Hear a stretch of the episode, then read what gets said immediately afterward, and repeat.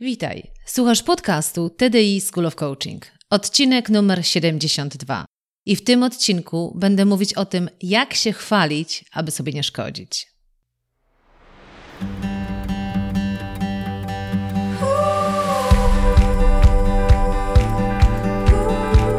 Witaj w serii podcastów TDI School of Coaching. Ja nazywam się Ela Krokosz i od ponad 20 lat zajmuję się tym, co jest moją pasją rozwojem potencjału ludzi.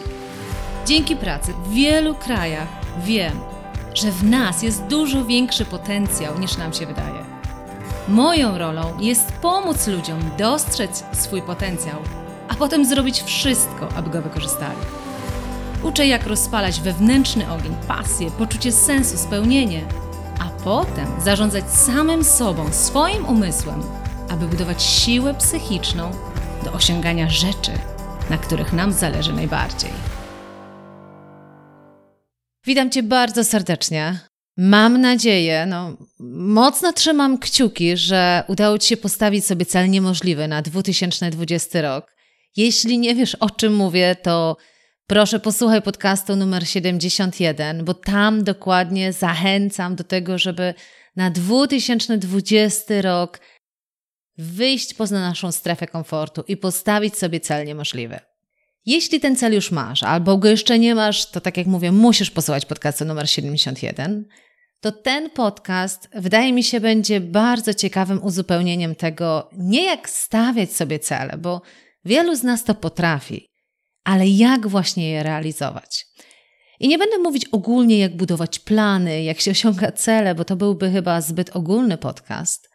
Natomiast będę mówić o bardzo ciekawym aspekcie, który muszę przyznać ostatnio w ogromnej mierze mnie zaskoczył ponownie. Już kiedyś nad tym pracowałam, kiedyś nad tym się zastanawiałam. Natomiast ostatnio, ponieważ ponownie wracam do książki Carol Dweck, Nowa psychologia sukcesu, to ponownie e, czytam o czymś, co uważam ma tak wielkie przełożenie na to, na ile osiągamy nie cele, ale cele niemożliwe. I dla mnie to jest bardzo duża różnica pomiędzy tym, żeby po prostu osiągnąć jakiś cel, a osiągnąć cel, który na dzień dzisiejszy jest naprawdę poza Twoją strefą komfortu. I jeżeli jest coś, czym ja się pasjonuję, to w ogromnej mierze pasjonuję się właśnie tym, jak wypychać siebie ze strefy komfortu i jak osiągać cele, co do których mamy tak wiele wątpliwości na samym początku, ale kiedy tam dojdziemy, to mamy tyle satysfakcji i dumy z samych siebie. I w związku z tym, jakby, co by przyglądać się temu, jak to się dzieje, właśnie jakie mechanizmy w nas funkcjonują, że jednym to idzie bez problemu, a inni cały czas tkwią w miejscu, w którym są, to ja cały czas właśnie, ponieważ ja się zajmuję wspomaganiem, jakby wspieraniem osób w wychodzeniu poza ich strefę komfortu, to ja cały czas zgłębiam właśnie swoją wiedzę na temat tego, jak jeszcze inaczej podejść do człowieka, żeby gdzieś odblokować różne rzeczy, które w nim siedzą. I ten podcast o tym, e, jak się chwalić, aby sobie nie szkodzić, jest w ogromnej mierze właśnie też w kontekście tego, jak być może czasami całkiem nieświadomie robimy coś, co może nam mocno e, przeszkadzać. Co jest ciekawe, ostatnio w naszym domu nasza starsza córeczka wyszła w fazę, kiedy stwierdziła, że bardzo chciałaby nagrywać filmy. No, to jest ten, ta faza, kiedy na internecie jest masę youtuberów, wszyscy nagrywają filmy i ona gdzieś stwierdziła, że też z koleżanką chciałaby nagrywać filmy. I dosyć długą dyskusję z nią toczyliśmy na ten temat. Nie chcąc jej oczywiście zabronić pewnego rodzaju pasji, ale też budując świadomość, z czym to się może wiązać nagrywanie takich filmów. Ja opowiadam jej o moim przykładzie, o tym, jak moje wystąpienie z TEDxu jest na YouTubie i jest absolutnie włączona opcja, możliwość komentowania. I ja jej opowiadałam, jak wiele tam się pojawia z jednej strony pozytywnych komentarzy, które absolutnie są budujące, ale jak wiele pojawia się też negatywnych komentarzy, które kompletnie nie mają uzasadnienia merytorycznego, bo o, pani w czerwonej czy różowej sukience, co ona może wiedzieć? Tak jakby różowa sukienka miała się jakkolwiek do wiedzy. Natomiast starałam się jej pokazać, że to, co ludzie o nas myślą, to w jaki sposób y, o nas komentują, w jaki sposób się do nas odnoszą, niestety w ogromnej mierze ma wpływ na nas. I poprzez tą dyskusję oczywiście staraliśmy się pokazać, że Szczególnie też te negatywne rzeczy, które mogą się wydarzyć w postaci tych komentarzy, mogą, nie wspominając, jaki to może mieć wpływ na dziecko, ale nawet na dorosłego to ma duży wpływ. I co jest ciekawe, że właśnie my wszyscy wiemy, że krytykowanie nas nam nie pomaga, że krytykowanie nas przez otoczenie, czy to jest dobra krytyka, czy zła krytyka, już szczególnie ta taka, która kompletnie nie ma uzasadnienia merytorycznego, faktycznie w ogromnej mierze nam podcina skrzydła. Trzeba ogromnej siły i takiej odporności psychicznej, żeby się tym nie przejmować. Natomiast ja będę mówić o czymś innym. Ja będę mówić o tym, że jak nas chwalą, to też może nam to w ogromnej mierze podcinać skrzydła. I to jest dopiero dla mnie fascynujące. Dlatego, że to, że jak nas krytykują i to nam podcina skrzydła, to my wszyscy wiemy. Ale żeby chwalenie nam miało szkodzić?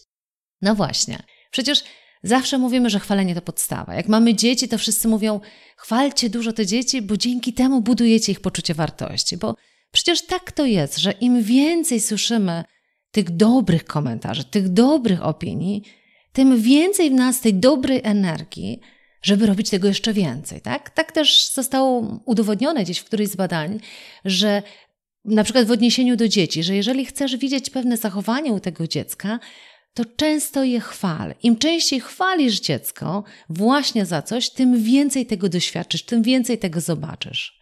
Ale ten podcast oczywiście nie jest o dzieciach, tylko o nas jako o dorosłych. Natomiast mechanizm jest dokładnie ten sam.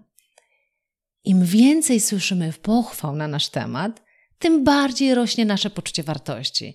W związku z tym wydaje nam się, teoretycznie można byłoby to tak przełożyć, tym bardziej rosną nam skrzydła. Natomiast nie do końca. I tu jest fenomen w tym, o czym będę mówić, dlaczego chwalenie może nam naprawdę wyrządzać krzywdę. Co się często okazuje, że tak jak mówię, chwalenie w ogromnej mierze buduje nasze poczucie wartości. Natomiast problem z chwaleniem polega na tym, że on utwierdza pewien nasz wizerunek. To, kim jesteśmy. Chwalenie bardzo często, sposób w jaki chwalimy, dlatego za moment powiem, jak chwalić, a jak nie chwalić, jakie chwalenie pomaga rozwinąć skrzydła, a które jednak podcina nam te skrzydła. Chwalenie bardzo często, tak jak mówię, buduje nasz nasze ego, nasz wizerunek, to jakimi ludźmi jesteśmy, ma w ogromnej mierze wpływ na naszą tożsamość, jak my siebie definiujemy. Na przykład, jesteś cudowną matką, jesteś cudownym ojcem, jesteś takim ekspertem w swojej dziedzinie, jesteś bardzo dobrym prezesem, jesteś niesamowicie doświadczonym trenerem, jesteś profesjonalnym coachem. I teraz, co jest ciekawe, co złego jest w tym, że takie komplementy słyszymy? No bo na logikę to biorąc, no kto z nas nie chciałby usłyszeć, na przykład jesteś cudowną matką, oczywiście jeżeli jest matką. Kto z nas nie chciałby usłyszeć, naprawdę jesteś ekspertem w swojej dziedzinie? Myślę, że jak słuchasz tego, to się tak samo jak ja prawdopodobnie na początku zastanawiasz, co złego w tym komplemencie. Natomiast okazuje się, że tego typu chwalenie może nas zatrzymać na pewnym poziomie, może nam przeszkodzić w tym, żeby wskoczyć na kompletnie nowy poziom. I jeżeli poprzedni podcast był właśnie o tym, jak stawiać sobie cele niemożliwe i w założeniu celu niemożliwego jest to, że ty wychodzisz ze strefy komfortu, że ty właśnie podejmujesz się zaczęcia czegoś być może kompletnie od początku, przetestowania czegoś, czego kompletnie jeszcze nie znasz. I teraz się bardzo często okazuje, że chwalenie nas za to, kim jesteśmy, powoduje, że nasza główna potrzeba, która się uruchamia, to jest utrzymanie opinii, jaką mają o nas inni, ale też często, jaką mamy o sobie sami. Bardzo często w wielu przypadkach się okazuje, że ta opinia innych może być nawet wyższa niż my mamy o sobie, tak? To różnie wychodzi, ale załóżmy nawet ten taki scenariusz, gdzie my, jeśli chodzi o nasze poczucie wartości, to czasami może nawet nie dowierzamy. Naprawdę uważasz, że jestem aż takim wielkim ekspertem? Naprawdę uważasz, że ja tak sobie dobrze w tym radzę? Natomiast generalnie chodzi o to, że w momencie, kiedy chwalą nas za to, kim jesteśmy, kim się staliśmy, dzięki latom doświadczeń, dzięki wykształceniu, dzięki różnym aspektom, to to powoduje, że nasz, nasza główna uwaga jest na tym, jak utrzymać opinię, która została na nasz temat wyrobiona. Też opinię dla siebie. No bo teraz zobaczcie, co się dzieje. Jeżeli ja uważam, że jestem niesamowicie doświadczonym trenerem, to ile jest we mnie motywacji do tego, żeby spróbować kompletnie nowych metod, w których w ogóle nie mam doświadczenia, jest takie ryzyko, że pójdzie mi to źle. Nie mam żadnej motywacji do tego, dlatego że jeżeli się okaże, że właśnie poniosłam porażkę z zastosowaniem kompletnie nowej metody, dlatego że chciałam się rozwinąć, dlatego że chciałam zwiększyć swój warsztat, znieść go na inny poziom, to to podważa opinię, jesteś niesamowicie doświadczonym trenerem. I w naszym umyśle nasza główna rola naszego mózgu jest taka utrzymać dobre samopoczucie, tak?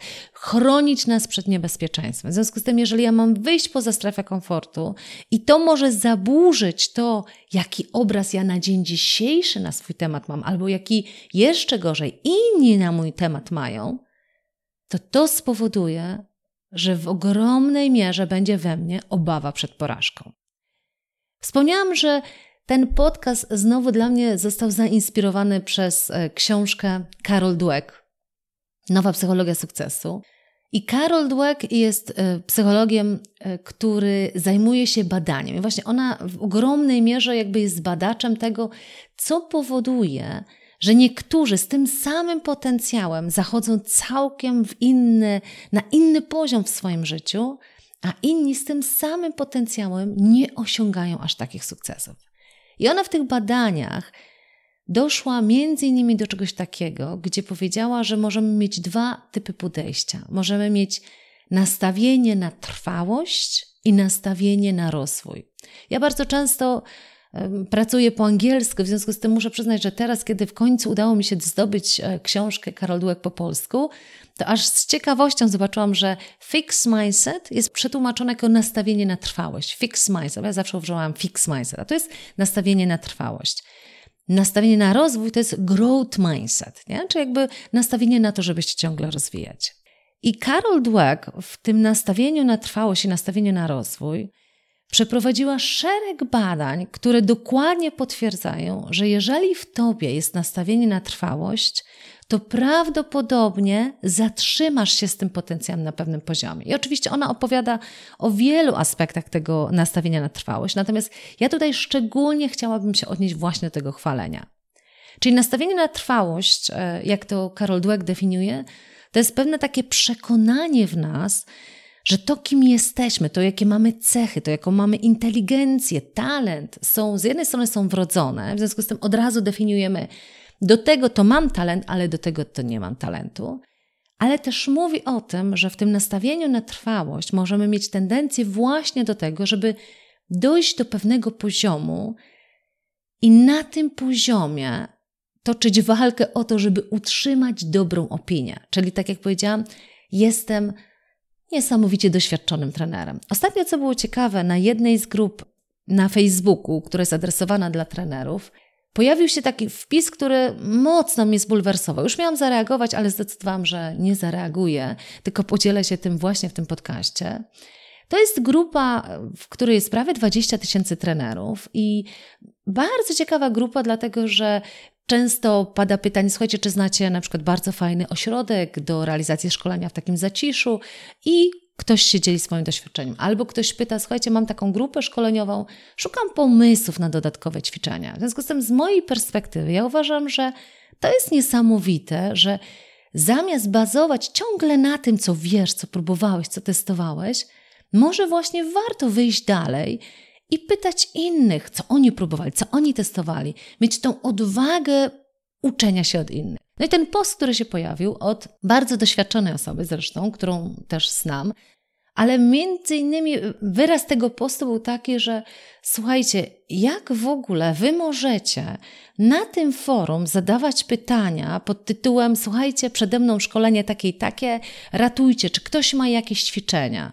I Wyraz tego postu był taki, przecież wasi klienci też mogą mieć dostęp do tej grupy i mogą przeczytać, że wy się szukujecie do jakiegoś szkolenia i jak to zostało nawet nazwane, że brzecie o jakieś ćwiczenia, żeby to szkolenie poprowadzić.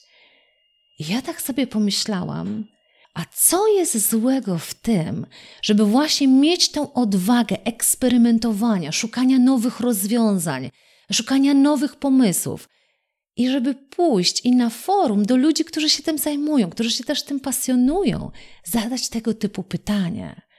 I dlaczego właśnie takie w ogóle nastawienie się tutaj pojawiło? I później to zrozumiałam, dlatego że właśnie, jeżeli uważamy, że doświadczenie nie pozwala na to, żeby pytać innych o zdanie, to właśnie później ktoś mówi, jak w ogóle możecie pytać innych o nowe ćwiczenia. Powinniście mieć na tyle wiedzy w sobie, żeby takie szkolenie poprowadzić. I to jest nastawienie na trwałość. To jest nastawienie na to, że zrób wszystko, żeby obronić swoją opinię i reputację, że jesteś doświadczonym trenerem. I każde wyjście i powiedzenie, słuchajcie, nie wiem za bardzo, jak to zrobić. To jest bardzo ciekawy nowy przypadek, z którym się mierzę. Albo, słuchajcie, znam 30 pomysłów na to ćwiczenie, ale szukam czegoś nowego, mam ochotę poeksperymentować z czymś innym. Dlaczego to może być odbierane jako nierozwojowe, ale podważające Twoje kompetencje? I dokładnie to się dzieje. To jest to, o czym mówi Karol Dweck, że to jest to nasze nastawienie na trwałość, czyli w pewnym momencie definiujesz swój status, który mówi, Jestem doświadczonym trenerem, jestem profesjonalnym coachem, jestem doświadczonym menedżerem do spraw sprzedaży, jestem ugruntowanym prezesem. I ta etykieta, którą dostajesz, za którą cię chwalą, staje się dla ciebie blokadą. Blokadą przed tym, żeby właśnie wyjść ze strefy komfortu i powiedzieć: Ojej, pewnych rzeczy nie wiem. Macie pomysł, jak to zrobić? No bo jak taki doświadczony może nie wiedzieć? I to jest właśnie to, o czym mówi Carol Dweck, że przypisywanie sobie pewnej marki na pewnym etapie może nas w ogromnej mierze ograniczać. I teraz, jaki to ma związek z chwaleniem? No właśnie to, że my budujemy jakąś markę, jakąś swoją wizytówkę w cudzysłowie, wynika właśnie z tego, za co jesteśmy chwaleni. Co w nas ludzie doceniają, jakie rzeczy na swój temat słyszymy. I Karol Dweck opowiada, że są dwa typy chwalenia, i to jest naprawdę bardzo ciekawe. Można chwalić za talenty i za to, kim jesteś, a można chwalić za wysiłek. Czyli w chwaleniu za talenty, to jest to nastawienie na trwałość, chwalimy za to, ale ty jesteś naprawdę utalentowany w tym, ale ty jesteś naprawdę niesamowicie doświadczonym trenerem. I to jest chwalenie za to, kim jesteś. W drugim typie chwalenia to jest chwalenie za to, ale niesamowite ostatnie szkolenie poprowadziłeś. Widać, że naprawdę się do tego przyłożyłeś. I zobacz, że w tym drugim typie chwalenia efekt, jaki osiągnąłeś, nie zależał od tego, że po prostu jesteś takim niesamowitym trenerem, tylko zależał od tego, że w przypadku tego szkolenia naprawdę się przyłożyłeś. I teraz jest ogromna różnica w tych obu podejściach, dlatego że to drugie pozwala ci na to, że może nie będziesz przy następnym szkoleniu aż takim niesamowitym trenerem, ale dlatego, że właśnie zdecydowałeś się odważnie zaryzykować z pewnym ćwiczeniem, z pewnymi konsekwencjami, że może pójść źle, ale wiesz, że dzięki temu tak naprawdę ty się rozwijasz, dzięki temu rozwijasz swój warsztat. I teraz, jeżeli na przykład słyszysz komplement, widać, że w tym szkoleniu faktycznie niesamowicie się przyłożyłeś, tak? A w następnym przypadku zaeksperymentowałeś czymś kompletnie nowym i ci nie poszło, to wiesz, że nie dlatego, bo jesteś kiepskim trenerem, tylko wiesz, że dlatego, że zaeksperymentowałeś. Karol Dweck w swojej książce opowiada o wielu badaniach, które przeprowadziła właśnie po to, żeby zdiagnozować konsekwencje tego nastawienia na trwałość albo nastawienia na rozwój. Jeśli chodzi o chwalenie, to ona dokładnie opowiada o takim eksperymencie, który przeprowadzili z uczniami, w większości młodzieży, i to setki osób e, zaprosili do tego eksperymentu. I w tym eksperymencie każdemu z uczniów dali pewien zestaw zadań, trudnych takich zadań do rozwiązania, trochę tak jakby z aspektu e, testu na inteligencję. I w większości przypadków ta młodzież, te, te osoby, które były tutaj badane, poradziły sobie całkiem, całkiem nieźle. I za realizację tego zadania zostały pochwalone tylko że zostały pochwalone w dwojaki sposób. Jedna grupa została właśnie pochwalona za ich umiejętności, za to, kim są. I to były tego typu komentarze jak o rany, naprawdę niesamowicie rozwiązałeś te osiem zadań. naprawdę masz do tego talent, masz do tego głowę. Czyli chwalimy za to, kim jesteś. Drugą grupę pochwalili, ale w inny sposób. Pochwalili ich za wysiłek. I mówili: Ojej, niesamowite, rozwiązałeś osiem zadań. To naprawdę bardzo dobry wynik. Widać, że się do tego przyłożyłeś. I co się okazało, czyli jakby w tym drugim e, chwaleniu nie było nastawienia na to, kim jesteś, masz talent, masz głowę, coś, co jest w tobie wrodzone, tylko jest to chwalenie za to, co zrobiłeś, tak? Czyli widać, że się do tego przyłożyłeś. I co się okazało? Że z czasem, na początku tej grupy obie radziły sobie całkiem nieźle, ale z czasem, szczególnie po tych pochwałach, zaczynały ujawniać się różnice. I to były bardzo znaczące różnice. A mianowicie, kiedy później dawano tym grupom jeszcze trudniejsze zadania, ale z taką możliwością albo realizacji tych zadań, albo nie. Okazywało się, że w większości przypadków ci, którzy byli chwaleni za to, widać, że masz do tego głowę, widać, że naprawdę jesteś utalentowany w tych zadaniach, rezygnowali. Ci natomiast, którzy byli chwaleni za to, widać, że się przyłożyłeś, dużo chętniej podejmowali się realizacji tych zadań, co absolutnie nie oznacza, że oni je zrealizowali, ale w ogóle wykazywali się inicjatywą, chęcią realizacji tych zadań. Dlaczego? No właśnie dlatego, że ci pierwsi, którzy zostali pochwaleni za to, widać, że masz do tego talent. I kiedy mogli się zmierzyć z zadaniami, które mogły podważyć tą opinię, uuu, jednak może nie mam do tego talentu, uuu, jednak nie mam do tego głowy, czyli mogły tak jakby obalić to status quo, decydowały się te osoby nie podejmować wysiłków, dlatego że właśnie mogły odnieść porażkę, a porażka oznaczała spadek z podium pod tytułem masz talent. Natomiast w przypadku osób, które były chwalone za wysiłek, te osoby miały nic do stracenia.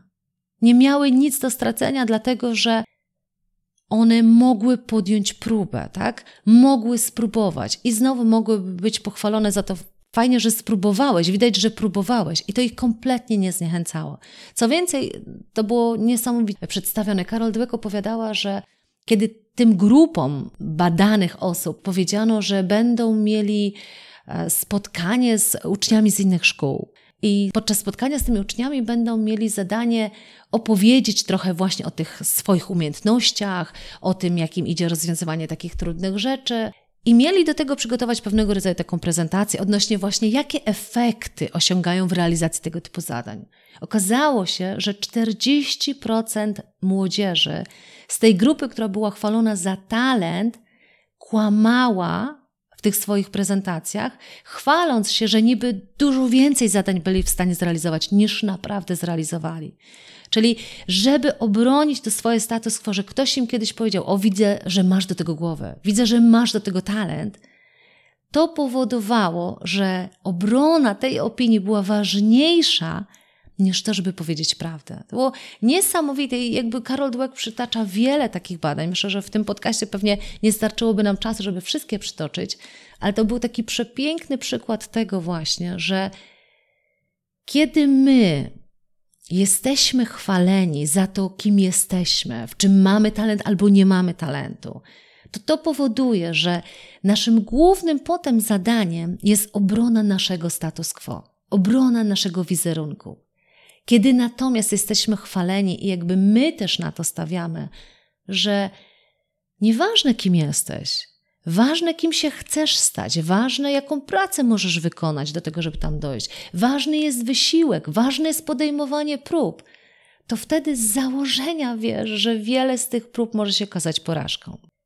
Ja często podkreślam, że ja od ponad 20 lat pracuję w ogromnej mierze z ludźmi, którzy zachodzą wysoko. Gdyby przyjrzeć się ich pozycjom, doświadczeniu, jakie mają, to zdecydowanie to są osoby naprawdę o wysokich pozycjach. Dlaczego o tym mówię? Dlatego, że często podkreślam, że kiedy pracuję z grupą, to lubię sobie wypatrzeć kilka takich osób, i czasami one się zdarzają w grupie, ale nie zawsze i nie wszyscy, w których, jak to mówię, płonie taki ogień, taki ogień wewnętrznej motywacji, pasji, wypychania się ze strefy komfortu, próbowania, testowania, że ciągle jest w nich ta taka iskierka niesamowitej motywacji.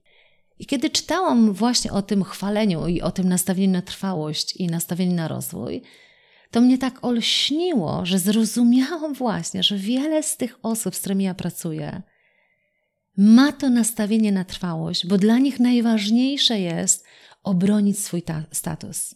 Nie wyjść poza strefę komfortu, nie pokazać swoim ludziom, że czegoś nie umiem, bo jakby muszę pokazać, ja tu jestem menadżerem. My bardzo dużo, na przykład na szkoleniach menadżerskich, rozmawiamy o autorytecie i co się często okazuje, budowanie tego swojego autorytetu, utrzymanie tego swojego autorytetu jest jednym z ważniejszych zadań, jakie sobie menadżerowie stawiają.